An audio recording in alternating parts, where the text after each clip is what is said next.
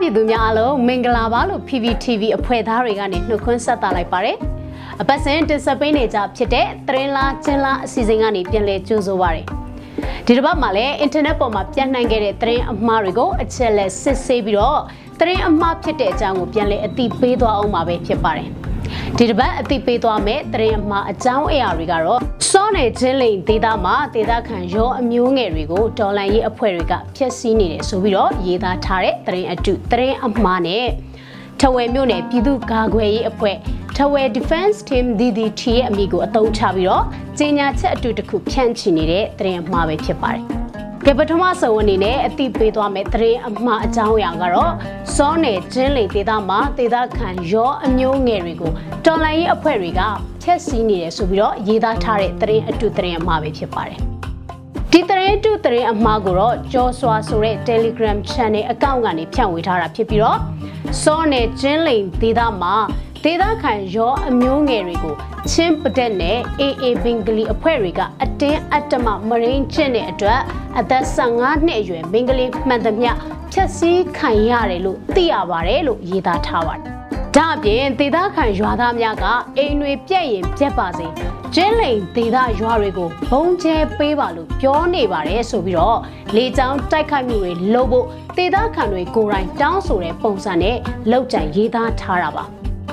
ဒီသတင်းတုသတင်းအမှားမှာချင်းရခိုင်တိုင်းသားလက်နက်ကင်တွေအပြင်ဒေသဆိုင်ရာကာကွယ်ရေးတပ်အားလုံးကိုဦးတည်တိုက်ခိုက်ရေးသားထားတာပဲဖြစ်ပါတယ်။မကွေတိုင်းကံကောခရိုင်စောမြို့နယ်ဟာတော်လန်ရေးတပ်တွေအားကောင်းတဲ့ဒေသဖြစ်တယ်လို့လေကြောင်းတိုက်ခိုက်မှုတွေမကြာခဏဖြစ်ပွားတဲ့ဒေသလည်းဖြစ်ပါတယ်။အရက်သားတွေတိမ်ဆုံခဲ့ရတာတွေလည်းအများအပြားရှိပါတယ်။ ဒေသခံတွေကိုယ်တိုင်ကတောင်းဆိုတာကြောင့်လေကြောင်းတိုက်ခိုက်မှုတွေလုပ်ရတဲ့ပုံစံရေးသားထားသလိုဒေါ်လာရေးအင်အားစုတွေပေါ်လောက်ကြံရေးသားထားတာကိုအားလုံးကသတိထားနိုင်ဖို့အတွက်တင်ပြပေးလိုက်ရတာပဲဖြစ်ပါတယ်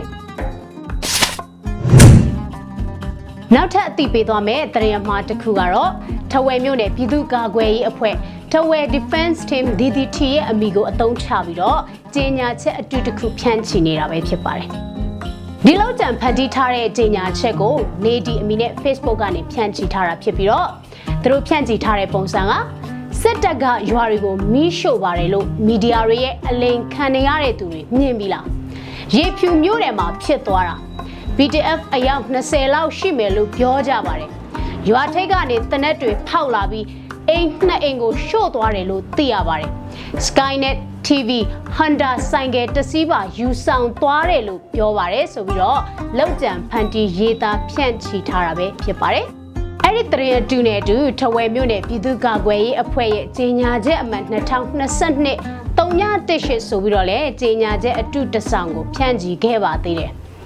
အဲ့ဒီတရင်အတူမှာထဝယ်မြို့နယ်ပြည်သူ့ကာကွယ်ရေးအဖွဲ့ကနေအိမ်တွေကိုမိရှို့သွားတယ်ဆိုပြီးတော့ရေးသားထားတာပဲဖြစ်ပါတယ် ထဝယ်မြို့နယ်ပြည်သူ့ကာကွယ်ရေးအဖွဲ့ရဲ့ကြီးညာချက်အမှတ်2022 318အစစ်အမှန်ကတော့စစ်စင်ရေးတစ်ခုလုပ်ခဲ့ကြောင်းထုတ်ပြန်ခဲ့တာဖြစ်ပြီးတော့သူတို့ရဲ့စစ်စင်ရေးတစ်ခုဟာဒေသခံတွေနဲ့မဆိုင်ကြောင်းကိုရေးသားဖော်ပြထားတာပဲဖြစ်ပါတယ်ဒီတစ်ပတ်အတွက်သတင်းလာခြင်းလာအစီအစဉ်ကတော့ဒီလောက်ပါပဲ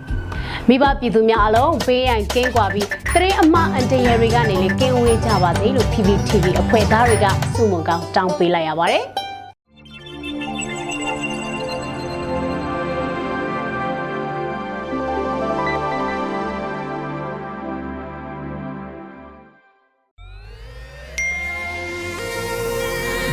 PPTV ကမျိုးတော်လိုင်းရေးဆိုင်ရာအစီအစဉ်ကောင်းတွေကိုရည်စည်တင်ဆက်ပေးနေရရှိပါတယ်။ PPTV ကထုတ်လွှင့်တင်ဆက်ပေးနေတဲ့အစီအစဉ်တွေကို PPTV ရဲ့တရားဝင် YouTube Channel ဖြစ်တဲ့ youtube.com/c/pptv မြန်မာကို Subscribe လုပ်ကြည့်ရှုပေးကြရဖြင့်တော်လိုင်းကိုတစ်သက်တအားဖမှုကူညီပေးနိုင်ပြီဖြစ်ကြောင်းသတင်းကောင်းပါလိုက်ပါရရှင်။စိတ်ရက်ကလစ်တွေနဲ့တော်လိုင်းရေးကိုနိုင်တဲ့ဘက်ကထိတ်ဆက်အားဖြည့်လိုက်ကြအောင်ပါ။အရေးတော်ပုံအောင်ရမည်